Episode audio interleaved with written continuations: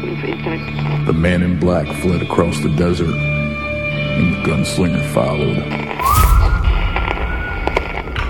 The war is over. You know what's coming. The tower will fall.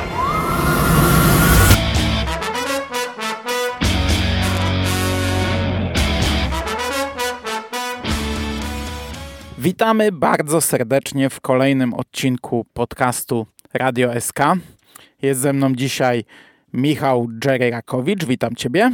Czołem Mando, witam wszystkich słuchaczy, witam Cię Randall, uprzedzając fakty. No właśnie, jest z nami dzisiaj też Randall, ale tutaj rewolwerowcze wstrzymaj swoje konie, bo ja wiem jak to jest, jak się z tobą wita. Ech. Ciebie człowieku do głosu dopuści, to za 15 minut skończysz streszczać książkę, także za chwileczkę kolego, witam ciebie na razie. Cześć Rafał. Dobrze, więc skromnie witam, witam serdecznie wszystkich y, słuchaczy, witam was drodzy współnagrywający, z którymi dobrnęliśmy, dobr, dobrniemy za chwileczkę do końca tej naszej y, monumentalnej, długiej wyprawy. No właśnie, dzisiaj Mroczna Wieża, tom siódmy pod tytułem Mroczna Wieża.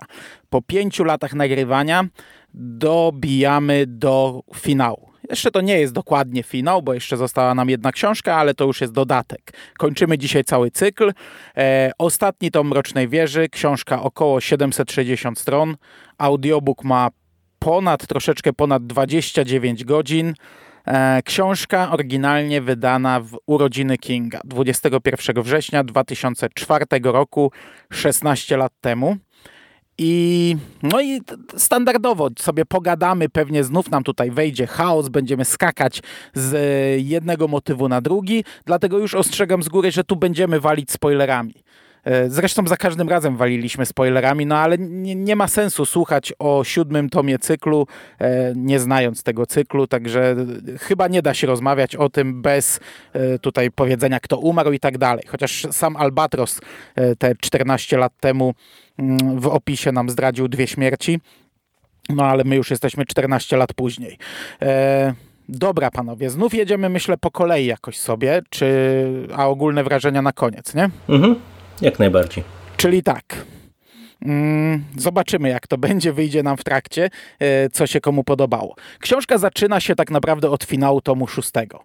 My krytykowaliśmy w poprzednim podcaście, że ten tom jest urwany, ucięty.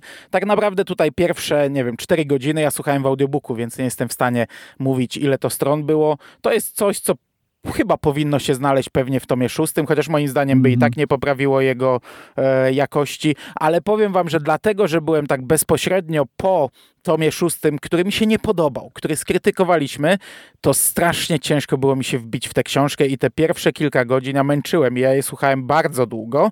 I tutaj mamy właśnie e, wejście Jake'a i Perkalakana do Dixie Peak i zadymę w Dixie Peak, e, poród Mordreda, znaczy poród Suzany Mii i narodziny Mordreda.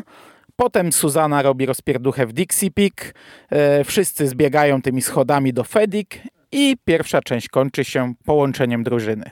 I od tej pory już drużyna przez przynajmniej pewien czas będzie złączona. Jak wam ten początek podszedł? No ja przyznam od razu, że, że pamiętałem, chyba, chyba wspominałem o tym w trakcie naszego poprzedniego nagrania, że w mojej pamięci zapisał się ten początek właśnie z siódmego tomu jako finał y, tomu szóstego. I tutaj też Y, to podkreśliliśmy w poprzednim, nasz, poprzedniej naszej rozmowie, że, że faktycznie dla dobra dynamiki albo nawet kom, bardziej kompozycji książki, y, którą y, była pieśń Suzanach, to, to byłoby dużo, dużo lepiej, gdyby to wszystko rozegrało się z takim no, mocnym tąpnięciem, jakim jest śmierć ojca Kalahana w finale właśnie poprzedniego tomu. I pewnie troszeczkę by podniosła to wartość tamtej książki. I zgadzam się z Tobą, Mando, nie tylko odnosząc się do, do wstępu tej książki, ale też do całości, że znajduje tutaj dużo wątków, które wydają mi się nadmiernie rozleczone, nadmiernie rozpisuje się nad nimi King. Dużo tutaj też jest takiego błędu fatalnego, który ja ostatnio odkrywam, y, czytając właśnie y, kontynuację Y, Duny Franka Herberta pisane przez Briana Herberta, jego syna, że jest dużo takich właśnie powtórzeń. Tamten autor też stosuje tutaj i to, i, to, i to się pojawia też tutaj w przypadku y, Mrocznej Wieży. Rzeczy, o których my już wiemy, są nam powtarzane kilkukrotnie. Ponadto takim y, jeszcze czymś, co podpisuje pod ten mianownik rozwleczenia fabuły tej książki, jest wprowadzanie nowych wątków, tak? Czyli tych małych takich, powiedziałbym nawet mini nowel, które tutaj wiążą się niejako z tą główną e, osią questu tego, tego wykonywanego przez e, Rolanda, przez Katet, czyli ponownie e, mamy bohaterów i takie mini historyjki z nimi związanymi związane, które mi się już na tym etapie troszeczkę niepotrzebne wydawały, troszeczkę zbędne, można by było właśnie skrócić. Tutaj takim elementem, który kompletnie mi nie współgrał z tym wszystkim, to jest ten wątek, nie wiem, czy się ze mną zgodzicie, z Iren Tassenbaum. To jest e, ten osoba, która też zostaje książki, wplątana. tak, mów, mów. i ona, ona, zostaje w, ona zostaje wplątana w e, to, podobnie jak wszyscy tacy przygodni bohaterowie tej, tej serii, których poznają członkowie katet w, powiedzmy w naszym rzeczywistym świecie, bo to się dzieje w świecie, w którym żyje Stephen King, czyli uznajemy, że to jest ten y, świat kluczowy, prawda, do tej pory, chociaż później finał troszeczkę nam tutaj miesza w głowie, jeżeli o to chodzi.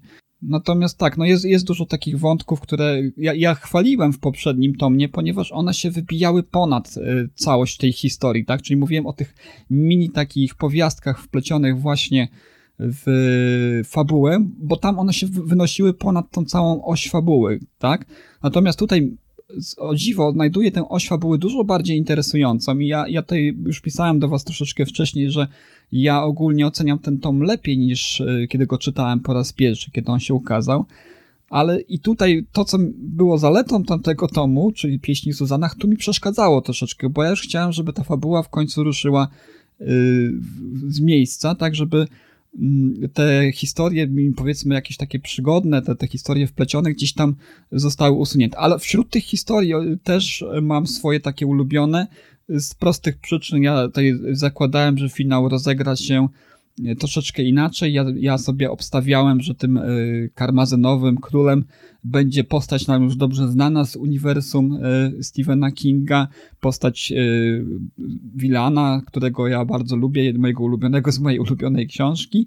I tutaj oczywiście, no jak już wiemy, nie jest on karmazynowym królem, ale pojawia się postać bardzo podobna do tej, do tej postaci, o której mówię. I właśnie te, te, te takie wątki właśnie mi się bardzo, bardzo tutaj podobały. Mam dwa takie, nie wiem, przystanki, które tutaj robi Stephen King, które mi się bardzo w tej, w tej yy, przerwie fabule głównej osi podobają. Ale to tak w, ja wrócę jeszcze na początek, bo znowu przeskoczyliśmy przez trzy czwarte książki, mm, ale coś mi się zdaje y, po tym, co wspomniałeś tutaj Randall y, w tej swojej wypowiedzi, że chyba się będziemy dosyć mocno rozjeżdżać, bo mam zupełnie, zupełnie inne spojrzenie na ten tom. E, a, no ja ale to, to, to, chwila, moment. Najpierw e, te, to mm, otwarcie, e, czyli Dixie Peak.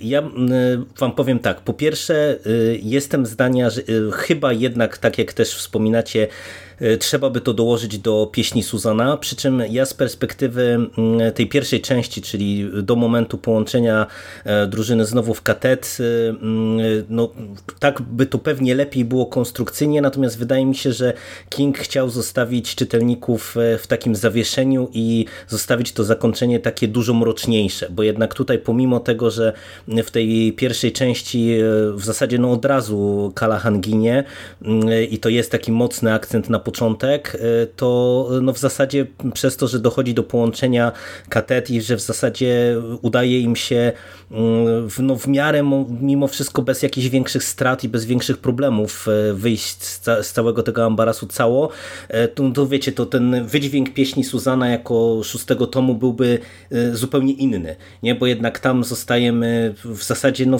z perspektywą taki, taką, że wszyscy jesteśmy w czarnym, w czarnej dupie za przeproszeniem, no bo katet jest e, e, rozproszone, e, w zasadzie każdy ma mniejsze lub większe problemy, jeszcze ta koda wskazująca na śmierć Kinga, no to, to wszystko powoduje, że, że jednak to zakończenie jest dosyć takie pesymistyczne. Tu, tutaj tego byśmy nie mieli, bo mielibyśmy właśnie takie optymistyczne wręcz spojrzenie w przyszłość. Nie zmienia to faktu, że ja się zgadzam Mando z tobą, że ten początek jest męczący, I to nawet nie jest kwestia tego, że e, on jest, nie wiem, jakoś źle napisany, czy, czy że to na, u mnie rzutowały na tym początku właśnie te złe wrażenia po pieśni Suzana, tylko wydaje mi się, że on jest po prostu za długi. E, wiecie, no tu tak naprawdę to, to mamy przejście kilkoma korytarzami, e, jedną czy drugą strzelaninę, bo jedną w, z udziałem Suzana, drugą z udziałem Jake'a de facto. I to się powinno odbyć szybko. A to jest rozwleczone na kilka godzin właśnie audiobooka, na, na pewnie kilkaset, bo nie wiem, to wyjdzie pewnie ze 150 stron książki, jak nie lepiej. I to jest po prostu zdecydowanie zbyt rozwodnione. Natomiast pomimo tego, że te, ten, to otwarcie jest dosyć ciężkie, to ja się absolutnie nie zgadzam, Randall, z tobą, że tutaj w tym tomie my dostajemy jakiekolwiek wątki poboczne, bo ja przy tej ponownej lekturze, ja, ja w ogóle ten tom oceniałem dobrze, pamiętam e, bezpośrednio te 14 lat temu, kiedy do niego usiadłem. I okazało się, że dużo z niego pamiętałem, chociaż to były bardziej takie wrażenia, e, natomiast teraz jak siadłem do lektury, to ja e, przecierałem coraz bardziej oczy ze zdumienia, jak ten tom jest bardzo dobrze rozpisany. Tu w zasadzie nie ma nic, z moim zdaniem, praktycznie rzecz biorąc, z takiej tej waty, która, yy, której pełno było we wszystkich wcześniejszych tomach.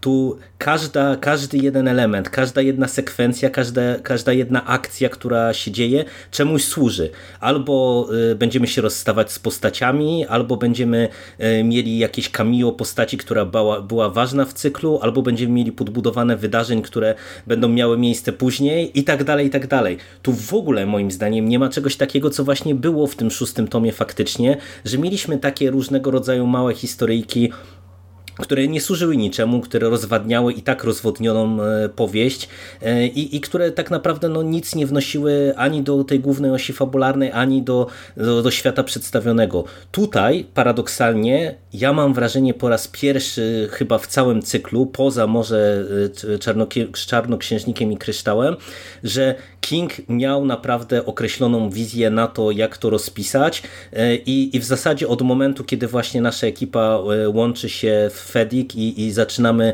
e, z nimi już e, ostatnią podróż do Mrocznej Wieży, e, no to mi się to czytało fantastycznie i, i, i to naprawdę była, była zwarta moim zdaniem też konstrukcyjnie opowieść. Mhm. Wiesz co, ja na obronę swoją tutaj podam jeszcze, obronę tej tezy, którą postawiłem, dodam coś, co mnie naszło tutaj i, i to się dotyczy troszeczkę wszystkich tomów, a w zasadzie no, od y, Czarnoksiężnika i Kryształów wzwyż, tak na dobrą sprawę. Y, tutaj King postanowił powiązać to zresztą w, w kodzie, czy, czy w posłowie dołączonym do, do tomu siódmego pisze o tym, że to miało być takie właśnie jego dzieło, które ma wiązać wszystkie jego wcześniejsze książki albo większość jego wcześniejszych książek i do tej refleksji on doszedł dopiero przy tym tomie, że, że faktycznie no, zaczyna mu coraz bardziej tutaj się jawić przed nim, tak, niejako, on troszeczkę tak pogrywa z nami też w formie meta, że, że zaczyna mu się jawić, że to jest jednak coś, co, co ma właśnie spajać te całe jego uniwersum. A, a mo, moją refleksją jest taką, że y, King troszeczkę zrobił sobie z Mrocznej Wieży taki sposób, takie, dała mu Mroczna Wieża taką, taką białą kartę do tego, żeby móc y, dopisywać sequele, nieoficjalne sequele lub y, prequele historii z, y, boha dotyczących bohaterów z jego wcześniejszych książek, tak? I to mnie troszeczkę też tutaj ubodło. Dopiero w tym tomie też mnie troszeczkę właśnie to ubodło, kiedy znowu pojawiają się bohaterowie mm, z jego poprzednich powieści. Coś, co mi jakoś wcześniej szczególnie nie przeszkadzało. Nawet lubiłem to, że to jest wszystko w ramach jednego uniwersum. Natomiast ostatnie dwa tomy sprowadzają to do tego, że nie jest to samoist, samoistne uniwersum, tak? Czyli coś, co możemy traktować jako jakiś taki, powiedzmy, byt, y, no, uniwersum generalnie, tylko coś stworzonego sztucznie i daje nam się właśnie tą warstwą meta do zrozumienia, że to jest sztuczne, że to jest stworzone przez w głowie autora rozgrywające się. Oczywiście tutaj King to sankcjonuje tym, że że jest to jakiś yy, przekaz, który wysyła do niego Gun i tak dalej, prawda? Natomiast no, w, tej for, w, tej, w tej kwestii formalnej no, jest to taka jakby metoda usprawiedliwienia tego, że tworzy się, wplata się w taką ogromną historię też sequele mówiąc tak, tak troszeczkę oględnie, sequele historii, które, które już znamy, tak? I tutaj ja, ja będę troszeczkę oponował, ponieważ ja wiem, że te wątki są troszeczkę lepiej rozpisane i być może one są dużo bardziej interesujące niż y, adekwatne wątki w pieśni Suzana, ale one są tutaj. Przecież mamy całą tę historię y, Teda Brotigana z, z, z Serc Atlantydów. Z książki, prawda? która była silnie powiązana z Mroczną Wieżą. Nie? Właśnie w siódmym była od tomie, samego początku powiązana w siódmym z Mroczną tomie jest Wieżą. tak, że to nie jest taka sztuczna kontynuacja, tylko to było zapowiedziane. Teda Brautigana tak. porwali e, mali ludzie w żółtych płaszczach, no czekaliśmy aż on wróci. Było pewne, że on wróci. Bo to, że Donald Callahan wrócił, e, Don, e, Donald, no on ma Donald, dobrze mówię, Callahan wrócił w poprzednim tomie, no to faktycznie, to był taki sequel po latach niespodziewany. Z mojej strony fajny, ale niespodziewany. Ale tutaj masz, wiesz, Ted Brautigan, w zasadzie Mhm. zapowiedziane. E, Patrick Denville, dokładnie No zapowiedziane. tego nie było raczej. No ale było powiedziane Znaczy on- w bezsenności, Mhm. że to jest dzieciak, którego musimy uratować, bo on w przyszłości, jak będzie starszy, e, spotka się na chwilę z Rolandem i ura- i uratuje mu życie. To, że w tej książce to jest trochę inaczej napisane, no to to jest inna bajka. Historia Teda też jest inna, bo e, w Sercach Atlantydów było powiedziane, że on wielokrotnie uciekał z Algul Siento, a tutaj mamy jego historię, to była jedna ucieczka i to tak trochę, trochę tak w zasadzie nawet nie zaplanowana zbyt dobrze, ale to potem też wyjaśnił, e, gdy opisał Kalwinów, czyli tych ludzi, którzy zajmują się analizą jego książek, że King czasami celowo błędy wciska w książki, żeby zmylić, nie?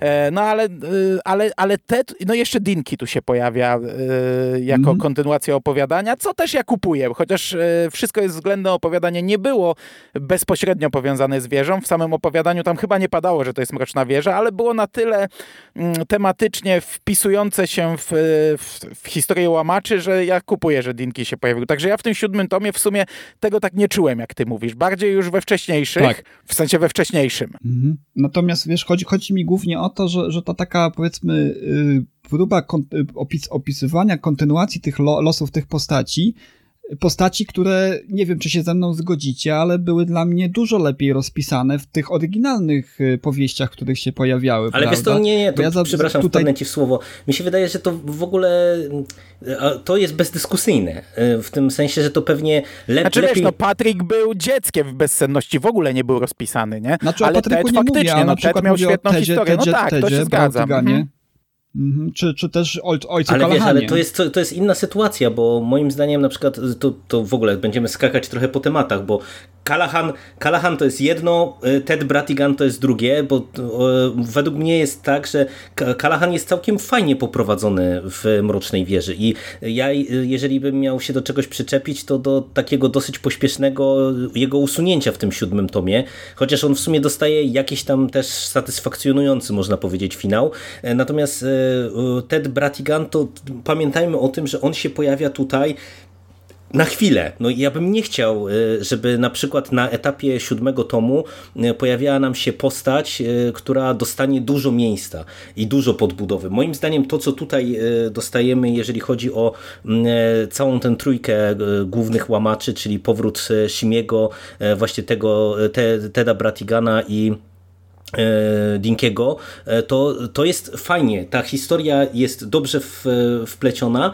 Ona się sprawdza jako taki swoisty przerywnik i uspokojenie pomiędzy jedną a drugą e, ostrzejszą akcją. E, I e, to, to wiesz, ja bym nie, nie chciał, żebyśmy my dyskutowali, że w książce, która, gdzie tak naprawdę no, Ted Bratigan był autonomiczną i najważniejszą postacią, wokół niego się kręciła cała akcja, że tu jest gorzej opisany, bo jest na chwilę, nie? No, no, no jest na chwilę, on ma tu zupełnie inną funkcję, nie? To, to, to jest y, moim zdaniem całkiem dobrze poprowadzone i, i i wręcz wydaje mi się, że to też było celowo tak, a nie inaczej poprowadzone, żeby on nie przyćmił y, całej tej głównej opowieści. On miał tutaj tylko określoną rolę do spełnienia.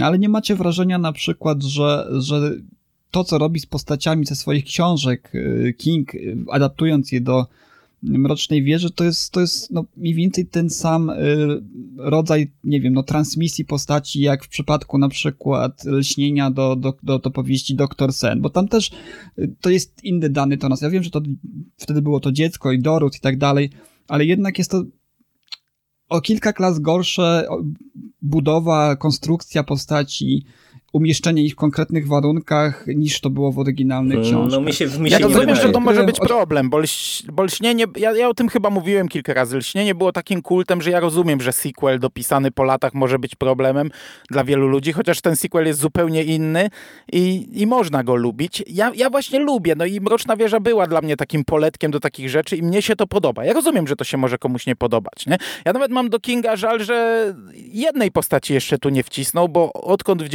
99 roku obejrzałem Sztorm Stulecia, byłem przekonany, że André Linosz jest postacią ze świata Mrocznej Wieży i gdy bierze Ralfa Andersona, dzieciaka na koniec jako swojego następcę, to czekałem aż on się pojawi w Mrocznej Wieży i byłem rozczarowany, że nie pojawił się w siódmym tomie Mrocznej Wieży i czekałem następne lata, aż się pojawi i gdy dwa lata temu, czy trzy, nie pamiętam, wyszła powieść Outsider, gdzie nagle z pierwszego opisu dowiedzieliśmy się, że postacią jest Ralph Anderson, od razu pomyślałem, to będzie Mroczna Wieża, to będzie ten Ralph Anderson, tylko coś mi nie grało w opisie, nie?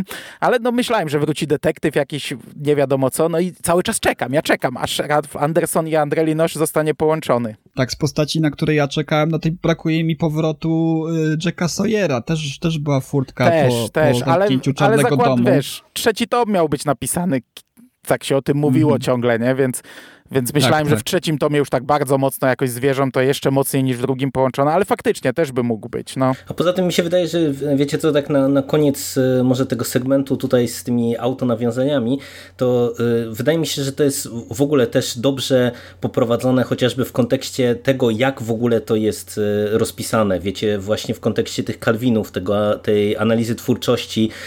To ja mam wrażenie, że ten tom w ogóle prostuje wiele takich rzeczy, na które my żeśmy narzekali wcześniej, że coś e, się nie schodzi, że e, coś jest głupie, że coś jest wprowadzone na szybko. E, Ja tu autentycznie widzę takie pewne autopoprawki, autokorekty, bo nawet wiecie, wątek bezsenności, nie? która tutaj jest wrzucona i, w którymś momencie powraca jako książka, która może naszym bohaterom teoretycznie umożliwić dojście, czy ułatwić dojście do, do Mrocznej Wieży i na przykład to, to też mi się bardzo podobało, że z jednej strony mamy, wiecie, bardzo y, czytelne nawiązania, takie autotematyczne, e, ale y, no, zostaje to zamiecione pod dywan, nie? Na, na w zasadzie, nie wiem, takiego mm, podejścia, że okej, to jest istotna powieść, ale ja nie chcę y, tutaj się zajmować tą książką. Jeżeli jesteście zainteresowani bezsennością, drodzy czytelnicy, wiedzcie, że coś takiego istnieje. Jeżeli nie czytaliście, sięgnijcie i się przekonacie, czy dobrze zrobił Roland, że, że nie chciał jej czytać, nie? To, to są właśnie takie dla mnie mm, sympatyczne rzeczy, które pokazują, że e, nad tym King akurat panował, wydaje mi się. I naprawdę, no, moim zdaniem to, to jest po prostu tutaj mm, tyle miejsca dostają te postaci i tyle y, rzeczy mają do roboty, że to jest akurat dobrze zbalansowane pomiędzy y, taką kontynuacją i sequelem, dopisywaniem jakichś losów y, postaci i taką autotematyczną zabawą, y, a właśnie tak, takim no już, y, że, że się brzydko wyrażę, onanizmem Kinga i wciskaniem wszystkiego, co, co tylko y, nagle do Mrocznej Wieży, bo, bo tak, bo, bo właśnie to kreuje swoje uniwersum. Wydaje mi się, że to naprawdę pod tym kątem tutaj to wyszło. Wiecie co, ja miałem taki dyskomfort po prostu troszeczkę, bo każdy z nas czytał te powieści, które w tej chwili nawiązują do Mrocznej Wieży i, i vice versa. I, I dla mnie one były takimi historiami, kiedy, gdzie ja widziałem ludzi, bohaterów, prawda? Po, na tym etapie Mrocznej Wieży, już nawet troszeczkę w pieśni Suzana, zaczęło mi trochę to przeszkadzać, to, że o, oni nie są ludźmi, tylko są bohaterami, tworami sztucznymi nagle się takim, takimi troszeczkę tworzą zubożonymi troszeczkę, jak już wspomniałem wcześniej dla mnie, jeżeli chodzi o ich y, charaktery, bo ja zdecydowanie lubiłem ojca Kalahana i dla mnie jego story arc był jak najbardziej kompletny, jeżeli chodzi o miasteczko Salem. Y, Teda Brotigana podo podobnie. Y, o innych tutaj się nie wypowiem, bo, bo Dinkiego, Dinkiego aż tak nie polubiłem. To jest, to jest opowiadanie, które o ile dobrze chyba pamiętam, tu był bo- lepszy nawet, z tego co pamiętam, bo tutaj dostał więcej czy, chyba czy, niż czy, tam. Czy to była ta postać, która pisała listy No, maile i zabijała i mailami. zabijała ludźmi, Mhm. ludzi, tak, no, no właśnie, coś takiego.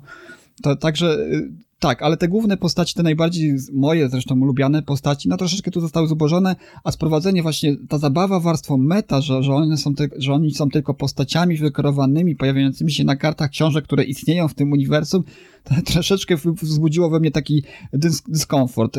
To, to jest tylko to mój bym, problem. Na to I ja bym ten... patrzył, wiesz co, trochę inaczej, bo oni są niby postaciami na kartach książek, ale też są żywymi, nie? To jest, to jest ta, no tak, tak, to jest, takie to jest, tak, to jest taki dualizm. No, ale, to jest ale z drugiej problem. strony, wiesz co, nie, ja jeszcze to, ja ciebie rozumiem, bo ja, dla mnie Serce Atlantydów to jest książka, która naprawdę gigantyczne emocje wywołuje, na, których, na której ja bym mógł się popłakać, nie? To jest fantastyczna rzecz, to jest dla mnie jedna z najlepszych książek Stephena Kinga. Tutaj Ted Brautigan był, bo miał coś do wykonania i miał nawiązywać i miał stworzyć uniwersum i zrobił to i spoko i mi się to podoba, ale rozumiem cię, bo jednak King od piątego tomu odpłynął i, i trochę zrobił takie fanfiki ze swojej twórczości, nie? E, mnie, ja, ja nie mam z tym problemu, ja to akceptuję. Dla mnie Mroczna Wieża jest właśnie takim poletkiem do fanfiku, ale rozumiem, że można mieć z tym problem, nie? Dlatego ja ci Jeszcze tu nie tak... przeklaskuję, po prostu rozumiem hmm. twój punkt widzenia, nie?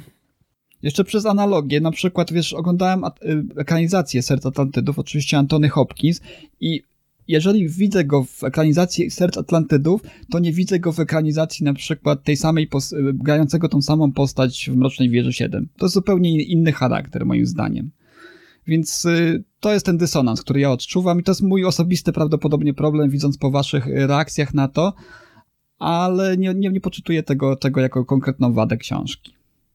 No dobra, to myślę, że możemy przejść okay. do tego, co się dzieje po połączeniu katet, e, czyli e, pojawienie się na świecie Mordreda i pierwsza z licznych śmierci w tym tomie, bo, bo myślę, że to dobrze by Właśnie, było. zaskoczyła was, bo pamiętam, że ludzie mieli bardzo duży problem, że nagle zginął Randall Flagg postać, która była kreowana na przeciwnika, na kogoś bardzo, bardzo ważnego, a on zginął zabity przez niemowlaka, e, z, wiesz, z, miał na głowie jakiś dziwaczny kask metalowy, czy tam z aluminium, nie wiem, i, i ludzie byli tym potężnie rozczarowani. Ja pamiętam, że chyba za pierwszym razem nie byłem, ale ja za pierwszym razem bardzo dużo rzeczy łykałem. Ja byłem taki tam, wiesz, pelikan, młody fan, który łykał, co tutaj mi podano. Teraz troszkę chyba mam z tym problem. Chociaż ja wielokrotnie podkreślam, że dla mnie y, uwielbienie do flaga, przepraszam, Randall Flag, jest, jest bardzo mocno przesadzone, bo to jest postać, która nie dokonała prawie że niczego w tych y, wszystkich książkach Kinga. Jak ktoś by się pobawił i przeanalizował jego historię, to, no to jemu prawie nic nie wyszło, co, co, co chciał zrobić. Wiem, że jeden świat cały no zabił, ale, ale wtedy też przegrał, nie? I tutaj przegrywa w taki bardzo prosty sposób, ale patrząc na y, wiesz, odcinając sagę od reszty, no to jednak był kreowany na kogoś, kto no, nawet w innej epoce działał, nie? Jako Walter O'Dim, wcześniej jeszcze jako Walter Paddick, no to to było to jego pierwsze nazwisko. Ktoś, kto spowodował ra razem z Johnem Farsonem upadek Gilead, upadek poprzedniego świata, ktoś, kto przez lata e, żył i był to, takim jakby pierwszą ręką karmazynowego króla, ginie w sposób banalny, szybki i, i no, może i zaskakujący, ale czy dobry, czy wam się to podoba? Podobało. No ja wam powiem, że y, ja tak y, akurat tej śmierci nie pamiętałem, e, że to się tak szybko e, wydarzy. Jakoś nie wiem, w ogóle umknęło mi, że Flak jeszcze tutaj e, powraca w takiej roli i moim zdaniem to jest rewelacyjnie poprowadzone. To, to będzie kontrowersyjne, ja tu będę miał kilka takich pewnie opinii, z którymi się możecie nie zgodzić, ale wydaje mi się, że tutaj to jak to jest rozpisane, to się sprawdza pod kilkoma względami. Po pierwsze, takie, a nie inne inne, e, taki, a nie inny zgon e, Randala Flaga mm, podbudowuje nam e, Mordreda jako postać o określonej mocy, I no, ja wiem, że to zaraz będziemy dyskutować, na ile Mordred jest e, ciekawą postacią i, i, i na ile faktycznie okazał się takim e, mocarzem, jakim się okazał, mm, ale tutaj on jest kreowany na w zasadzie nowego karmazynowego króla, czy, czy jest synem karmazynowego króla, ale jest kreowany na nowego króla i bardzo mi się to podobało że to jest rozpisane tak właśnie na, na zasadzie takich myśli, gdzie e, on, e, mam na myśli tutaj Mordreda, właśnie trochę e, sam wprowadzi taki wewnętrzny monolog, nie? że właśnie mamy flaga, który, któremu się wydaje, że przez te wszystkie światy i przez czas tyle rzeczy dokonał, a tak naprawdę no, niewiele się różni od te, tego zagubionego chłopaka, którym był lata wcześniej, tylko jest dumniejszy, bardziej pyszny i, i bardziej zadufany w sobie i mi się to naprawdę bardzo podobało. Tym bardziej, że nawet to pojawienie się Randala Flaga właśnie w tej dziwnej, dziwnej aluminowej czapeczce, która e, jest jakimś takim dziwacznym nawiązaniem do, nie wiem, do X-Menów chyba i, i hełmu Magneto, przynajmniej ja to tak od, odbierałem, że to pewnie coś takiego miało być. E, I to, to mi się bardzo podobało, bo on właśnie się pojawia jako e, postać, która jest przekonana, że ratuje dzień, że otwiera sobie drogę do wielkości chwały, a tak naprawdę no kończy jak kończy właśnie przez swoją pychę i, i, i dumę i przez zapatrzenie w siebie i, i oszukany tak naprawdę przez dziecko. To, to, ja może jako największy fan Randala Flaga powiem najkrócej na ten temat. Yy, nie mam problemu z tą śmiercią. Dla mnie to jest taki rodzaj zaskoczenia właśnie w dobrym stylu. Dobry twist w dobrym stylu po prostu pokazany, że no ten największy mocarz, który, któremu się wydaje, że może wszystko, prawda? Y, nagle zostaje sprowadzony do pionu przez y, tak na dobrą sprawę dziecko, pomiot karmazynowego króla, nie zdając sobie sprawy z mocy tych e, połączonych y, metafizycznych genów, które, które tkwiły w tej postaci.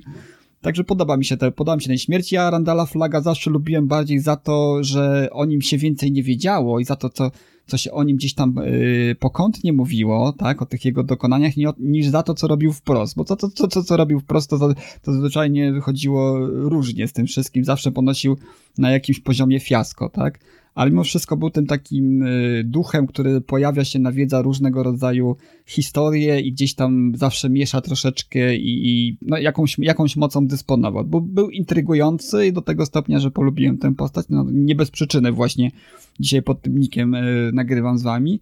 Natomiast y, jego, z jego śmiercią nie mam problemu. Zresztą tutaj powiem od razu, że jeżeli chodzi o zgony, których tutaj jest cała kopa w tym w tym tomie, to ja nie mam problemu z żadnym zgonem.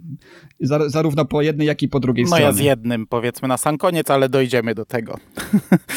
ja powiem tak, nie, nie, nie, że, że no, no, jeśli myślałeś o Magnato z X-Menów, to, to w sumie mogłeś to sobie lepiej wyobrażać, bo ja przed oczami miałem cały czas scenę ze znaków e, z takimi aluminiowymi czapeczkami z taką antenką tak, tak, ukręconą wiem, na górze.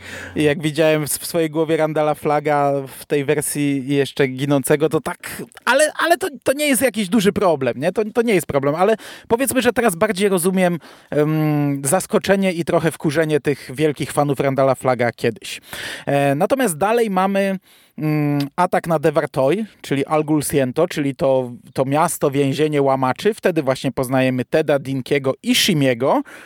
I sam atak jest e, bardzo fajny. Jest dużo akcji, jest fajnie zrobiony. E, więzienie z tym to już jest różnie, ale nawet, nawet już nie chcę jakoś tam, chyba że się rozwinie dyskusja, ale powiem wam, że kilka razy to tak się cieszyłem, że wyjątkowo nie jadłem bułeczki słuchając tej książki, bo jak widziałem, jak, jak, jak słuchałem, te, jak oni sobie swoje smarki z nosa jedzą albo zbierają chusteczki, chusteczki z kosza z zaschniętymi smarkami, a na niektórych jest krew, to na deser, to tak mówię, Jezu, po o, co tak, to, to było po co to tak. robisz? Po co to robisz, Steven, nie? E, a, a, zazwyczaj ja jem. Ale atak kończy się kolejną śmiercią. No tak jak mówisz, tej śmierci jest tutaj od, na metry. I ja wam powiem, że do tego momentu jeszcze nie czułem żadnych emocji, czytając tę książkę ponownie. Ja pamiętałem te wszystkie śmierci, także mm, żadna z nich nie była dla mnie zaskoczeniem, ale wiesz, tak się trochę wkurzałem, że czytam pierwszy raz od kilkunastu lat siódmy tom cyklu, który lubię i będą umierać bohaterowie, których lubię, a ja nie czuję emocji. A gdy do tego doszło i, i to to jest pierwszy raz, a potem jeszcze będą kolejne i, i nawet zapomniałem, że dostajemy tak długie pożegnanie z tą postacią i że tak szybko trzeba biec dalej i, i walczyć dalej, bo czas nas goni, bo przecież w tym świecie czas nie ustaje, bo tak sobie wymyślono, nieważne, nieważne, e, to, to no niezłe emocje tu czułem. To wam nawet powiem, że tak trochę brudka mi drgała, czego się nie spodziewałem przez te pierwsze, nie wiem, kilkanaście godzin audiobooka. No moim zdaniem w ogóle cały ten segment y, wokół Algus, Algusien to jest świetny, naprawdę. To już był moment taki, e, w zasadzie no, u mnie to już było od śmierci właśnie flaga, ale, ale ten e, atak na Algusien to całe podprowadzenie, właśnie historia e, Teda Brachtigena i, i później sam atak i właśnie mm, ten finał w postaci śmierci Ediego, to uważam, że to jest naprawdę świetne. Ja akurat tę śmierć dobrze pamiętam, pamiętałem, bo mm, wydaje mi się, że w, przy pierwszej lekturze to był zgon, który na mnie jakoś e, największe wrażenie, to, to, nie, to nie brzmi dobrze, e, jakoś najbardziej mną chyba potrząsnął e, mimo wszystko. I, I tutaj to naprawdę też zadziałało. a propos potrząsania, tu właśnie mi pioruny walą za oknem. E, no. Promień pęku. No, także, także y, tutaj to było naprawdę świetne. Y, też zgadzam się, że było sporo takiej obrzydliwości, ale y, tu, tu naprawdę byłem pod wrażeniem, jak King całościowo to rozpisał, bo to, to było naprawdę ciekawe, że wiecie, że mamy tych łamaczy, którzy żyją sobie trochę jak pączki w maśle, nie przeszkadza im to, że, że właśnie mroczna wieża upada. Mamy tych funkcjonariuszy, którzy też wydaje im się, że robią dobrą robotę.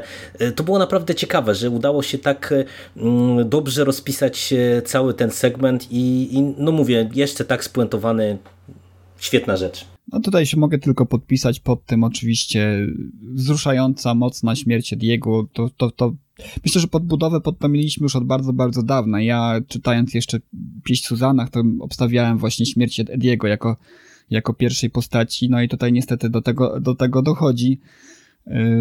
I zaczyna się pomalutku tutaj też potwierdzać ta, ta, ta nasza teoria, którą większość chyba czytelników miało na tym etapie, że, że jednak Roland do wieży dotrze samotnie jednak, tak, bez katet. Więc to, to był pierwszy krok ku temu. Zresztą on, tutaj, skoro przy tym jesteśmy, nie wiem, jak wam się podobała narracja w ogóle w tym tomie, bo ona troszeczkę odbiega od tego, co, co było wcześniej. W sensie, że dużo, dużo częściej niż w wcześniejszych tomach King zwraca się do nas bezpośrednio gra z czytelnikiem, podpowiada, żartuje, dowcipkuje i właśnie też foreshadowinguje tutaj. I wydaje mi się, że w tym tomie to jest najbardziej wyraźne, jak do tej pory. On taki, takiego gawędziarza tutaj mu się tryb włączył, który bezpośrednio niejako do nas przemawia, tak? I zastanawiam się, mhm, jak wam się to mhm. podobało, że on też te wszystkie śmierci, te wszystkie odejścia postaci ze sceny teasował bardzo mocno już, dużo, dużo wcześniej tutaj w tym tomie, niż, niż nastąpiły. Znaczy sama narracja, że zwraca się do nas, mnie się w miarę podobała, bo jedna z pierwszych książek, jakie w życiu przeczytałem i jedna z do dzisiaj dla mnie najważniejszych, to było to były Wesołe Przygody Robin Hooda Howarda Pyla. I tam też jest tak na końcu. Y, nie wiem, nie pamiętam czy przez całą książkę, ale jest dokładnie takie samo zagranie jak w Mrocznej Wieży na końcu, że tutaj w zasadzie już się rozchodzimy, drogi czytelniku. Jeśli nie chcesz, dalej czeka nas tylko smutek, jeśli nie chcesz czytać dalej, to, to, to nie czytaj, możesz zakończyć w tym miejscu. Mroczna Wieża 7 ma coś bardzo podobnego pod koniec i to mi się za, za każdym razem, jak czytam tę książkę, no czyli dwa razy na razie bardzo kojarzyło z tamtą książką, ale y, a z kolei teasowanie śmierci, wiesz co, King robi to czasami dobrze, czasami źle, a czasami tak trochę nijako. W tym tomie miałem wrażenie, że trochę nijako, bo ale to nie wiem, no może dlatego, że ja, dla mnie żadna z tych śmierci chyba nie była zaskoczeniem, bo ja niestety w tamtym okresie jeździłem na zjazdy, na których gadaliśmy tylko o Mrocznej Wieży, a dużo ludzi czytało w oryginale. Ja jeszcze chyba zanim przeczytałem szósty tom, to wiedziałem, znałem chyba wszystkie śmierci z siódemki i wiedziałem, jakie jest ostatnie zdanie w siódemce i jak się kończy. E, także ciężko mi powiedzieć, e, czy, czy to było dobrze, czy nie, ale gdy teraz czytałem, no to wiesz, to jeszcze na tym etapie powiedzmy ktoś opuści nasze katet, takie, za, taka zapowiedź. No to czytelnik czytelnik jeszcze mógł nie wiedzieć, ale już na następnym, gdzie tylko Roland i Jake e, jadą e, do Stephena Kinga, do czego za chwilę przejdziemy i ktoś tutaj znów opuści, czy Roland, czy Jake, no to już takie, no dobra, nie, już sedaruj, to już wiadomo, że nie Roland. Mi się niektóre fragmenty tej narracji jeszcze kojarzyły z, z serią niefortunnych zdarzeń, takie miałem skojarzenie, chociaż tam autor dużo, dużo bardziej yy, igrał z czytelnikami, bo tam się okazywało, że te pewne przypadki, które się zdarzają bohaterom wcale nie są takie złe, jak, jak to zapowiadał. A, a tutaj y, faktycznie się to spełnia, tak? Na, na jakimś etapie. Znaczy ja tutaj w zasadzie niewiele dodam, bo ja będę się, chcia, się chciał trochę rozwinąć odnośnie te, tej końcówki, więc to w tamtym miejscu, bo jeżeli chodzi o te śmierci, to dla mnie to taki standardowy King, no on to non-stop robi przecież, że y, to, tę postać widzieliśmy ostatni raz, albo że coś się za chwilę stanie, no to, to są jego standardowe zagrywki tutaj, no ani, ani to na mnie jakoś robiło wrażenie, ani nie, no to tak kingowy No czyli, czyli było nie najlepiej, bo jak robi to dobrze, to robi wrażenie. Jak było to w cmentarzu dla zwierzaków, to robiło wrażenie. Za każdym razem jak czytam, to robi wrażenie. A tutaj jeśli tak mówimy, że takie standardowe, no to było takie standardowe. To nie była taka petarda, jak to czasami jest. Bo kilka razy mu się zdarzyło naprawdę takim, taką zapowiedzią zrobić coś wow, nie? Eee, natomiast e, jeśli chodzi o dojście samego Rolanda do Mrocznej Wieży, jak już poruszyłeś, to już powiem.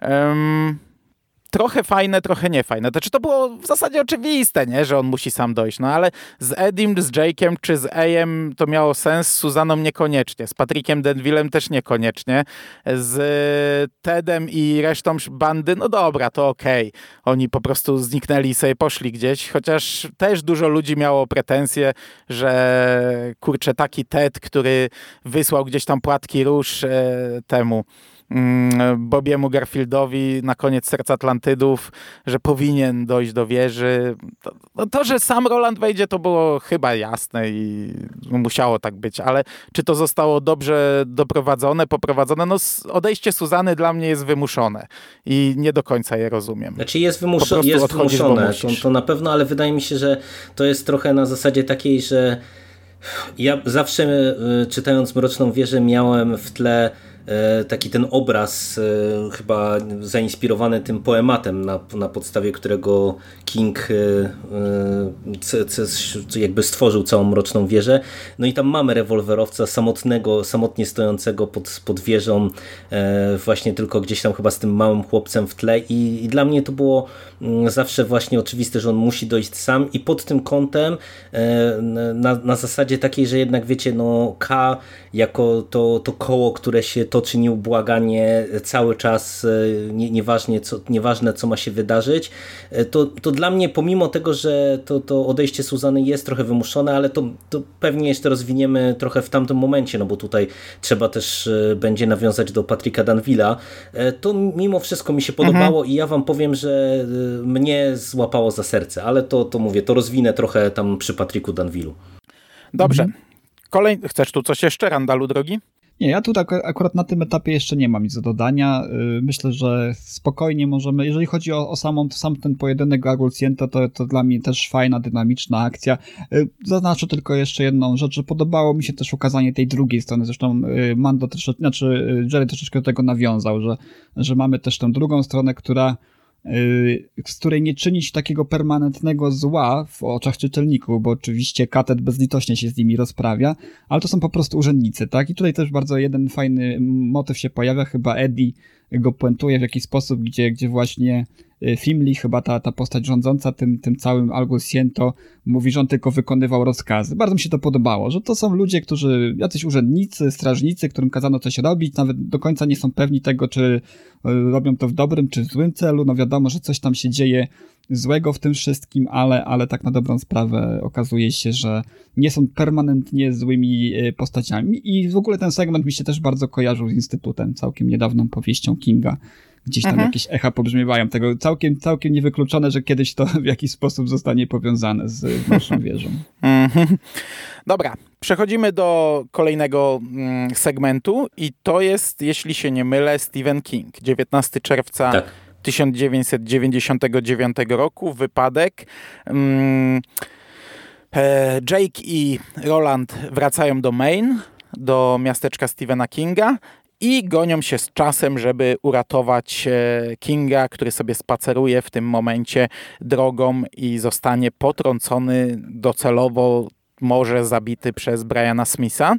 E, bardzo mi się ten segment podobał, zadziwiająco, bo, bo tak jak jeszcze w poprzednim tomie trochę tam, znaczy jedni bardziej Randall, drudzy mniej, chyba my, e, kręciliśmy nosem na to pojawienie się Kinga, tak tutaj mi się ten segment bardzo podobał. Oczywiście no znów mamy to miasteczko, gdzie ludzie łykają jak pelikany. Teraz pojawia się ta pani Tassenbaum, wcześniej to był ten pan Kalen chyba, którzy zrobią wszystko, rzucą rodzinę, dadzą samochód, no to jest niby jakoś tam wyjaśnione, że mamy tych gości, którzy się pojawiają, że oni jakoś tam, jakaś ta magia działa.